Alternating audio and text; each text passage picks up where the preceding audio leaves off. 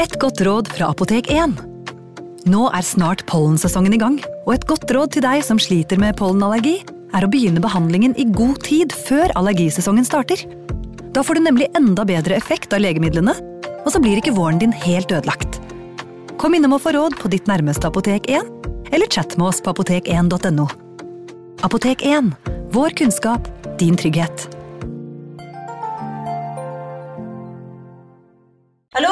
Jeg kommer fra Oslo politikammer.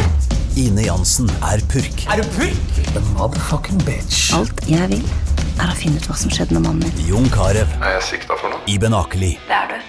Ole So, Lars Berrum og Big Daddy Karsten. Hvem sin side er du på, egentlig? Anette Hoff, Tone Danielsen, Kommer du fra Afrika? Jørnis Josef, Nesten. Kløfta. Trond Espen Seim, Det er synd å si det, men det var feil mann som døde. Purk. Premiere tirsdag på TV2 Play. Ungsamtalen fra DNB er økonomisk veiledning tilpasset deg som er ung. Bokk en ungsamtale på dnb.no. slash ung. Det er kjempebra hvis du skal inn på boligmarkedet, hvis det er drømmen din, liksom. Det er det du skulle sagt. Og så kunne du ropt litt mer, da, sånn som jeg gjorde. Bam! Advarsel. Denne podkasten inneholder skildringer av ekte drap og kriminalsaker som kan være støtende for enkelte. Det advares også mot sterke inntrykk i deler av episoden. Det var fremdeles tidlig på morgenen den 5. mai 2004. Fiskebåtene var allerede ute i bukta langs kysten utenfor Virginia da solen kikket over horisonten. To fiskere og barna deres planla å tilbringe dagen ved Fisherman's Island, et populært friluftsområde i Chesapeake Bay. De kastet ut fiskesnørene og nøt den milde vårtemperaturen, men den gode stemningen skulle snart forsvinne. Etter å ha dratt i land flere fisk fikk de øye på noe som fløt i vannet. De styrte båten nærmere og så at det var en koffert. De antok at den hadde falt av en annen båt og bestemte seg for å hale den ut av vannet. Kofferten var ikke spesielt stor og heller ikke veldig tung. Den var mørkegrønn og så ved første øyekast ut som en helt vanlig koffert. Fiskerne diskuterte hva de skulle gjøre. Det var ingen navn eller telefonnummer på kofferten, og til slutt ble de enige om å åpne den. Inni kofferten var det en svart søppelsekk, men da fiskerne åpnet denne, ble de møtt av et grusomt syn. Inni søppelsekken var det nemlig to menneskeben. Begge var amputert ved knærne. Fiskerne kontaktet umiddelbart politiet og fortalte om det groteske funnet. Politiet begynte å undersøke hva som hadde skjedd, men uten noen andre ledetråder visste de ikke hvordan de skulle angripe saken. Det skulle riktignok ikke ta lang tid før de fikk mer å jobbe med. En ukes tid senere ble nemlig enda en koffert oppdaget i vannet ved Chesapeake Bay. Det var en identisk mørkegrønn koffert av samme merke, størrelse og type. Denne kofferten inneholdt også levningene etter et menneske. Denne gangen var det en overkropp, et hode og armer. Det var kroppen til en mann som hadde blitt skutt i brystet og hodet. En tredje og siste koffert ble funnet fem dager senere. Også denne ble halt om bord i en fiskebåt. Innen den tid hadde alle i området fått med seg hva som foregikk. Mange lette etter de siste restene av offeret, og fiskere ringte derfor politiet før de åpnet kofferten. Denne gangen var ikke innholdet noen overraskelse. I kofferten fant de nemlig de siste levningene etter offeret, bekkenet og lårene. Med dette var det makabre puslespillet komplett. I løpet av tolv dager hadde et helt partert menneskelik blitt oppdaget flytende i vannet. Dermed gjensto det bare å finne ut hvem dette var, og hvem som sto bak det makabre drapet. Velkommen til True Crime Podden.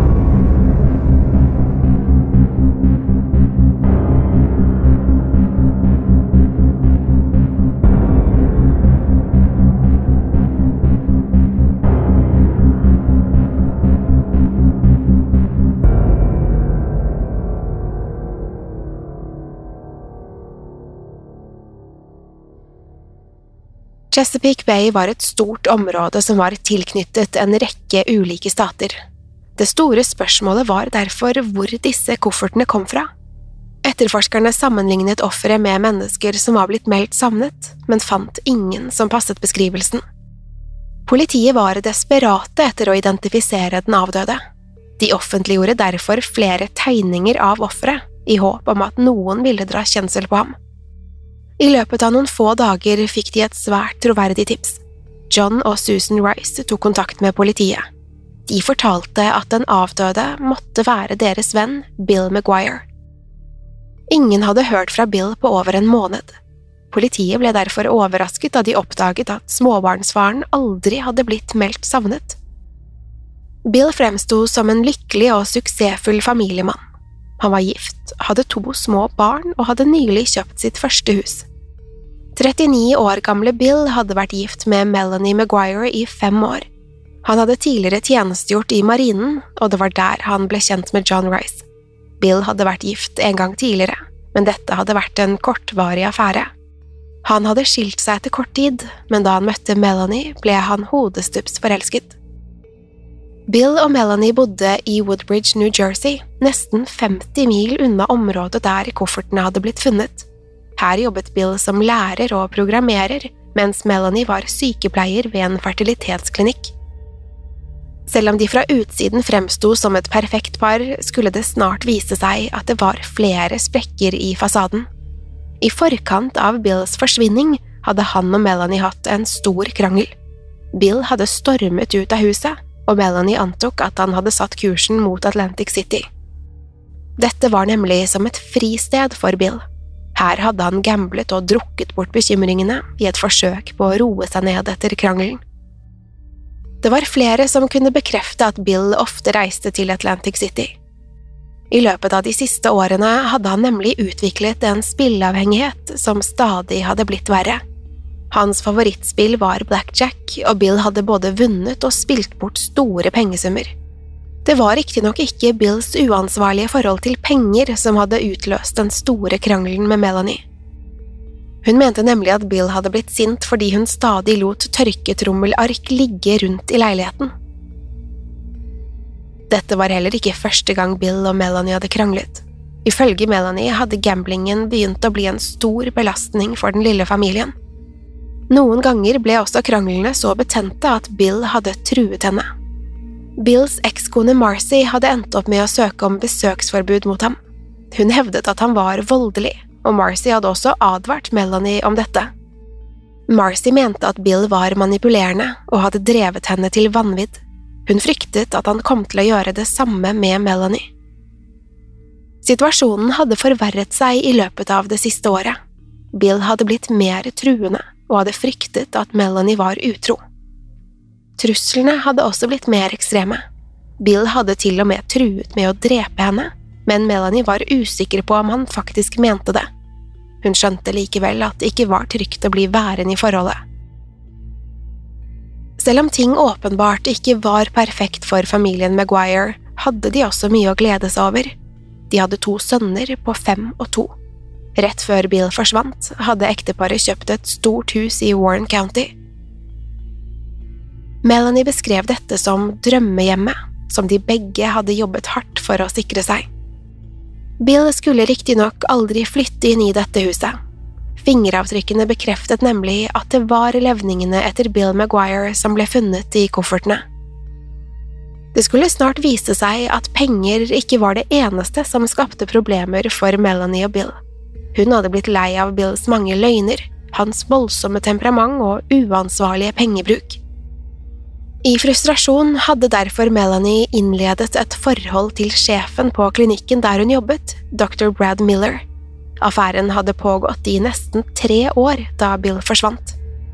Denne avsløringen var umiddelbart med på å plassere både Brad og Melanie på listen over mistenkte. Brad hadde i lang tid prøvd å overtale Melanie til å forlate Bill, så de kunne begynne et nytt liv sammen.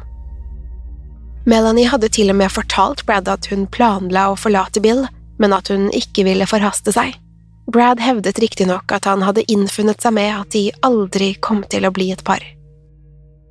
Alt dette ble naturligvis mer mistenkelig av at Bill forsvant, samme dag som de skrev under på kjøpekontrakten. Melanie hadde fortalt Brad at hun fremdeles ikke visste om de noen gang kom til å flytte inn i det nye huset, Melanie var angivelig redd for at Bill skulle kaste bort alle pengene deres, og at hun ikke ville sitte igjen med noe. Kanskje var det derfor Melanie gikk med på å kjøpe huset, selv om ekteskapet holdt på å gå i oppløsning? Men hva skjedde egentlig kvelden Bill forsvant?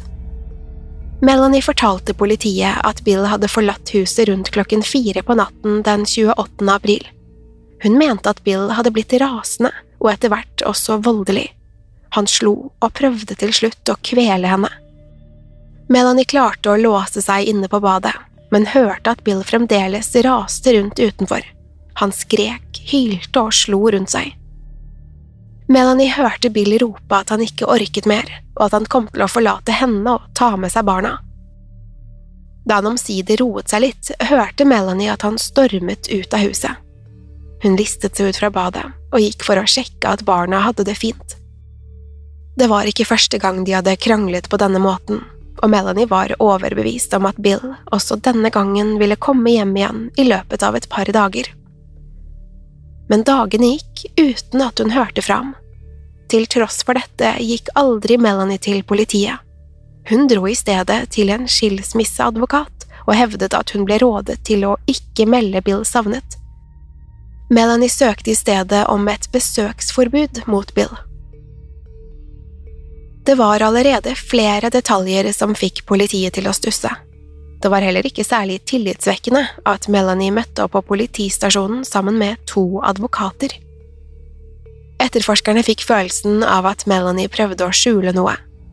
Melanie hadde allerede begynt å kvitte seg med Bills eiendeler. Hun gjorde det klart at hun anså ekteskapet som over lenge før hun fikk beskjed om at Bill var død. Det lille som var igjen, hadde hun pakket inn i svarte søppelsekker som hun planla å kaste. Etterforskerne bemerket seg at dette var samme type søppelsekker som kroppsdelene hadde vært pakket inn i da de ble plassert i koffertene.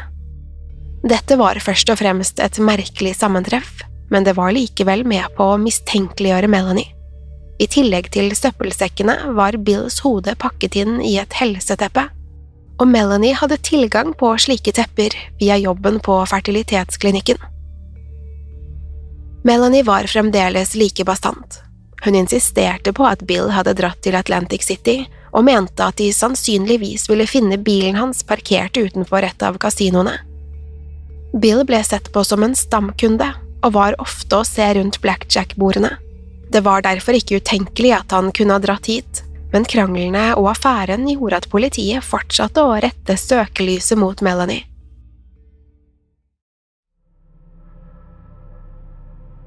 Månedene gikk uten at politiet kom noe nærmere en oppklaring. Enn så lenge var mistanken kun basert på indisier, og de hadde ikke nok til å sikte Melanie for drapet. Det ble hentet ut to kuler fra liket, som ble analysert av rettsmedisinerne. Politiet hadde ikke funnet drapsvåpenet, men de håpet likevel at kulene skulle bli avgjørende i etterforskningen. Politiet undersøkte fremdeles alle som hadde vært i kontakt med Bill, men nok en gang ledet etterforskningen dem mot Melanie. Det kom nemlig frem at Melanie hadde kjøpt en pistol av samme type kaliber som ble brukt til å drepe Bill. Dette våpenet var kjøpt i Easton, Pennsylvania, en drøy time unna hjemmet deres i New Jersey enda mer mistenkelig var at Melanie hadde kjøpt denne pistolen den 26. april, kun to dager før Bill forsvant. Melanie ble konfrontert med denne oppdagelsen, men forklarte at hun hadde kjøpt denne pistolen på vegne av Bill. Han hadde nemlig et kriminelt rulleblad og kunne derfor ikke kjøpe våpen på lovlig vis. Melanie hevdet at han hadde bedt henne om å signere alle papirene. Melanie antydet samtidig at dette var et tegn på at Bill hadde vært paranoid i forkant av sin død. Hun mente at han fryktet at noen var ute etter å ta ham. Etterforskerne så dette som et åpenbart tegn på at Melanie var involvert i drapet. Hun gjorde likevel sitt ytterste for å skape tvil rundt situasjonen. Dersom Bill skyldte penger eller hadde fiender i Atlantic City, kunne dette være en mulig forklaring på hvorfor han trengte en pistol. Det stemte også at Bill hadde et kriminelt rulleblad knyttet til regelbrudd i trafikken. Dermed var det langt enklere for Melanie å skaffe et våpen på lovlig vis. Timingen var uansett svært iøynefallende. Melanie visste heller ikke hvor denne pistolen hadde blitt av. Hun antok at Bill hadde tatt den med seg til Atlantic City. Melanie var nå øverst på listen over mistenkte, og politiet forsøkte fremdeles å kartlegge hvor hun hadde vært i dagene etter forsvinningen. De fikk et nytt, stort gjennombrudd da de oppdaget at Melanie hadde kjørt til Atlantic City den 30. april. Politiet hadde nemlig oversikt over hver gang bilen hennes hadde passert en bomring, og denne informasjonen bekreftet at Melanie hadde vært i Atlantic City to dager etter den angivelige krangelen. Ifølge Melanie hadde hun reist av gårde for å lete etter Bill. Dette stemte riktignok ikke overens med det Melanie tidligere hadde fortalt etterforskerne. Melanies bevegelser hadde blitt registrert av en automatisk bompengetjeneste. Hun var åpenbart ikke klar over dette, og hadde derfor forsøkt å slette turen til Atlantic City fra oversikten. Melanie innrømmet at hun hadde løyet, og visste at dette kom til å bli brukt mot henne. Hun hevdet at hun fikk panikk, da mange ville tolke denne turen som et tegn på at hun var involvert i drapet. Melanie insisterte på at hun kun hadde prøvd å finne Bill, selv om hun tidligere hadde hevdet at hun ikke var interessert i å se ham igjen. Politiet kjøpte ikke Melanies forklaring. Hun hevdet nemlig at hun hadde funnet bilen hans på en parkeringsplass ved et lykketreff. Til tross for at det var utallige kasinoer og parkeringsplasser i Atlantic City, mente Melanie at hun bare hadde fått øye på den da hun tilfeldigvis kjørte forbi. Melanie bestemte seg da for å flytte bilen, og mente at hun gjorde dette for å terge Bill. Hun kjørte den til en annen parkeringsplass før hun satte seg i en taxi og dro hjem igjen. Neste morgen hevdet hun at hun tok en ny taxi tilbake til Atlantic City for å hente sin egen bil. Det var mange ulogiske avgjørelser i denne forklaringen. Etterforskerne antok at Melanie hadde diktet opp alle disse stegene, så det skulle passe med opplysningene politiet satt på. De hadde nemlig overvåkningsbilder av at noen flyttet bilen, men kameraet hadde for lav oppløsning til at de kunne bekrefte at dette var Melanie. Etterforskerne mistenkte at Melanie løy om nesten alt. Det eneste de trodde på, var at Melanie hadde kjørt til Atlantic City den 30. april og hjem igjen neste morgen. Politiet visste fremdeles ikke om Melanie hadde vært alene, eller om hun hadde med seg en medhjelper. Selv om politiet ikke kunne avkrefte Melanies historie, var de overbevist om at hun løy. Det var heller ingen taxiselskaper som kunne bekrefte at de to taxiturene hadde funnet sted. Noen dager senere hadde Melanie kjørt mot Delaware, hvor hun krysset broen over i Chesapeake Bay. Politiet mistenkte at hun hadde koffertene med levningene etter Bill i bagasjerommet, og at hun kastet disse fra broen. I løpet av den neste måneden ble de tre koffertene funnet flytende i bukta. Politiet var overbevist om at det var Melanie som hadde drept Bill, men de hadde fremdeles ingen konkrete bevis som knyttet henne til selve drapet. Det var heller ingen tekniske bevis i hjemmet deres, der de først antok at Bill hadde blitt drept. Det var ingen kuler, patronhylser, blod eller kruttslam. Etter hvert innså etterforskerne at Bill sannsynligvis hadde blitt skutt og deretter partert et annet sted. I juni 2005, over et år etter at Bill ble funnet, skulle likevel politiet arrestere Melanie. De hadde fremdeles ikke klart å sanke konkrete bevis, men var overbevist om at Melanie var den eneste med troverdig motiv. Etterforskerne mente at kranglene og Bills gambling var en utløsende faktor. Melanies affære med Brad og hennes planer om å forlate Bill ble også tatt med i denne vurderingen. Det var likevel timingen for alt sammen som var mest påfallende. Melanie hadde kjøpt pistolen to dager før de kjøpte sitt første hus og samme dag som papirene ble underskrevet, forsvant Bill. Etterforskerne var overbevist om at Melanie hadde planlagt drapet ned til minste detalj. Men var drapet på Bill Maguire kun motivert av penger? Melanie tjente nok til å forsørge seg selv, og dersom hun planla å starte et nytt liv med Brad Miller, ville heller ikke penger vært en bekymring. Det var derfor vanskelig å forstå hvorfor Bill måtte dø. Politiet var overbevist om at dette var planlagt og ikke et tilfeldig drap utført i selvforsvar eller affekt. En teori foreslo at det var Bill og ikke Melanie som hadde ønsket å kjøpe huset. Da papirene til slutt var underskrevet, følte Melanie seg fanget. Hun ønsket å starte et nytt liv med Brad, men hadde i stedet kjøpt et nytt hjem sammen med en mann hun ikke lenger var glad i. Så hun kanskje på drapet som sin eneste utvei? Var dette Melanies måte å avslutte forholdet, så hun endelig kunne være sammen med Brad? Melanie hadde uansett ikke gjort det enkelt for seg selv. Forklaringene hennes var kompliserte og fulle av logiske brister. Hvorfor skulle hun ha reist til Atlantic City bare for å flytte Bill sin bil? Ved å innrømme at hun hadde kjørt denne bilen, kunne etterforskerne også koble funnene i bilen direkte til Melanie. Dette skulle også styrke politiets teorier om hva som egentlig hadde skjedd. I bilen ble det nemlig oppdaget en liten flaske som inneholdt det bedøvende middelet kloralhydrat sammen med en liten sprøyte. Dette middelet hadde blitt skrevet ut på resept av dr. Brad Miller. Brad hadde allerede vært i politiets søkelys og ble sett på som en mulig samarbeidspartner. Da Brad ble konfrontert med funnene i bilen, hevdet han riktignok at det ikke var hans underskrift. Han var overbevist om at noen hadde skrevet ut en falsk resept. Brad valgte å samarbeide med etterforskerne, og var også villig til å prøve å presse frem en tilståelse fra Melanie. I tillegg til det bedøvende middelet ble det også funnet mikroskopiske partikler av blod og menneskekjøtt på gulvet i bilen. DNA-testene avslørte at dette stammet fra Bill. Politiet antok at disse partiklene hadde kommet seg inn i bilen via føttene til morderen. Etter å ha saget opp liket hadde trolig dette festet seg til skoene. Selv om disse partiklene ikke nødvendigvis var synlige med det blotte øyet, gjorde det at politiet kunne bekrefte at morderen hadde entret bilen etter at Bill var drept og partert. Selv om heller ikke dette var fellende bevis, kunne politiet føye til det i den stadig voksende listen med indisier mot Melanie. Det ble etter hvert åpenbart at Melanie ikke hadde gjort noen god jobb med å skjule sporene sine.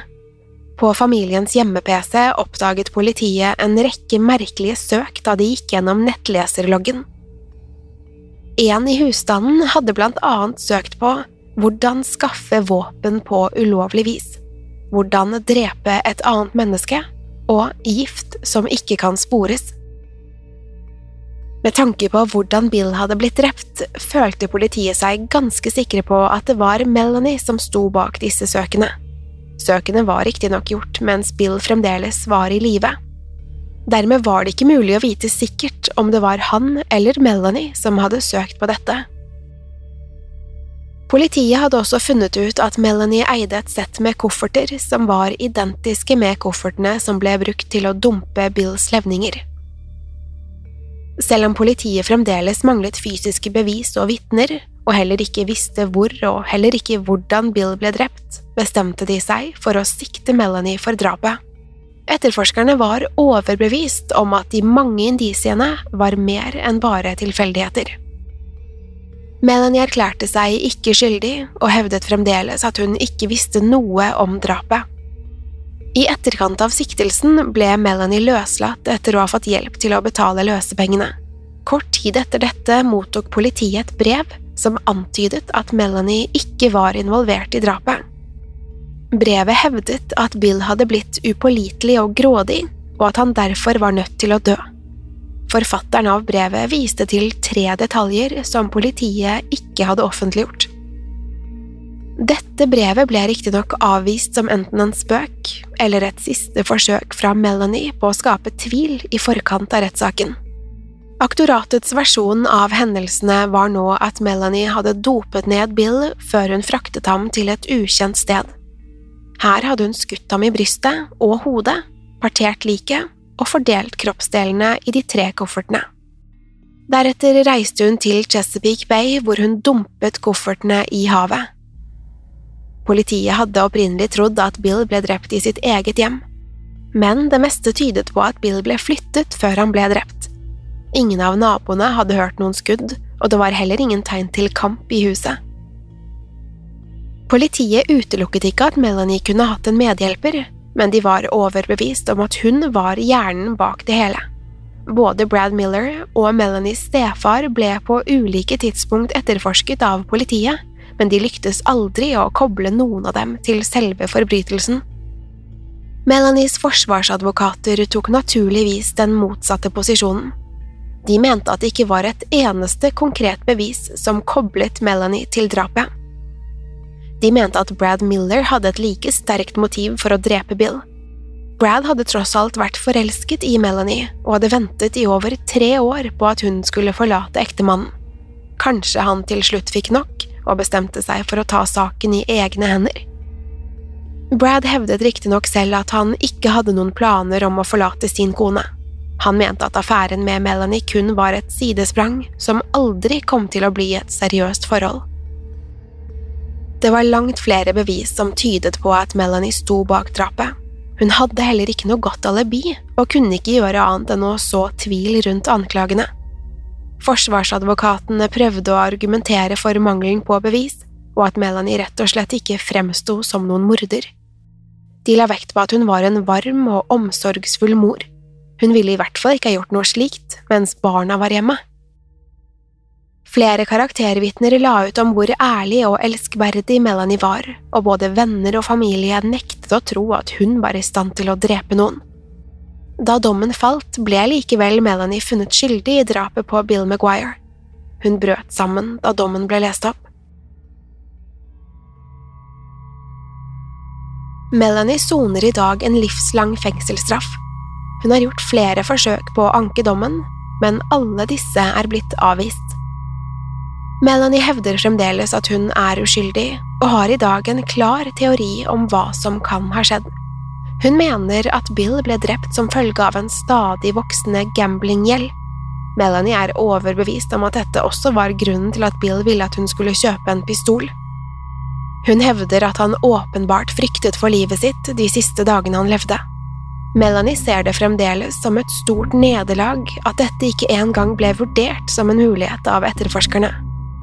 Selv om bevisene tyder på at Melanie var involvert i drapet, er det fremdeles mange som tror hun ble uskyldig dømt. Det er til og med hele podkastserier som forsøker å bevise at hun er uskyldig. Enn så lenge må likevel Melanie forberede seg på at hun sannsynligvis kommer til å tilbringe resten av livet bak lås og slå.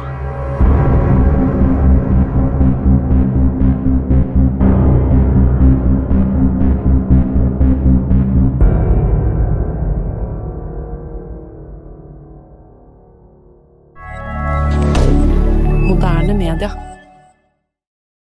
Har du et enkeltpersonforetak eller en liten bedrift? Da er du sikkert lei av å høre meg snakke om hvor enkelt det er med kvitteringer og bilag i fiken, så vi eh, gir oss her, vi. Fordi vi liker enkelt. Fiken superenkelt regnskap. Hei! Takk for at du lytter til True Crime Podden. Skulle du ønske at du kunne høre en ny episode av denne podkasten hver eneste uke? Vel, da er det bare å laste ned podkastappen Untold med en gang. I tillegg til ukentlige episoder av podkaster som Skrekkpodden, Synderne og Henrettelsespodden, får du masse annet reklamefritt og eksklusivt innhold. Last ned Untold i AppStore eller Google Play, og start din 30 dagers prøveperiode i dag.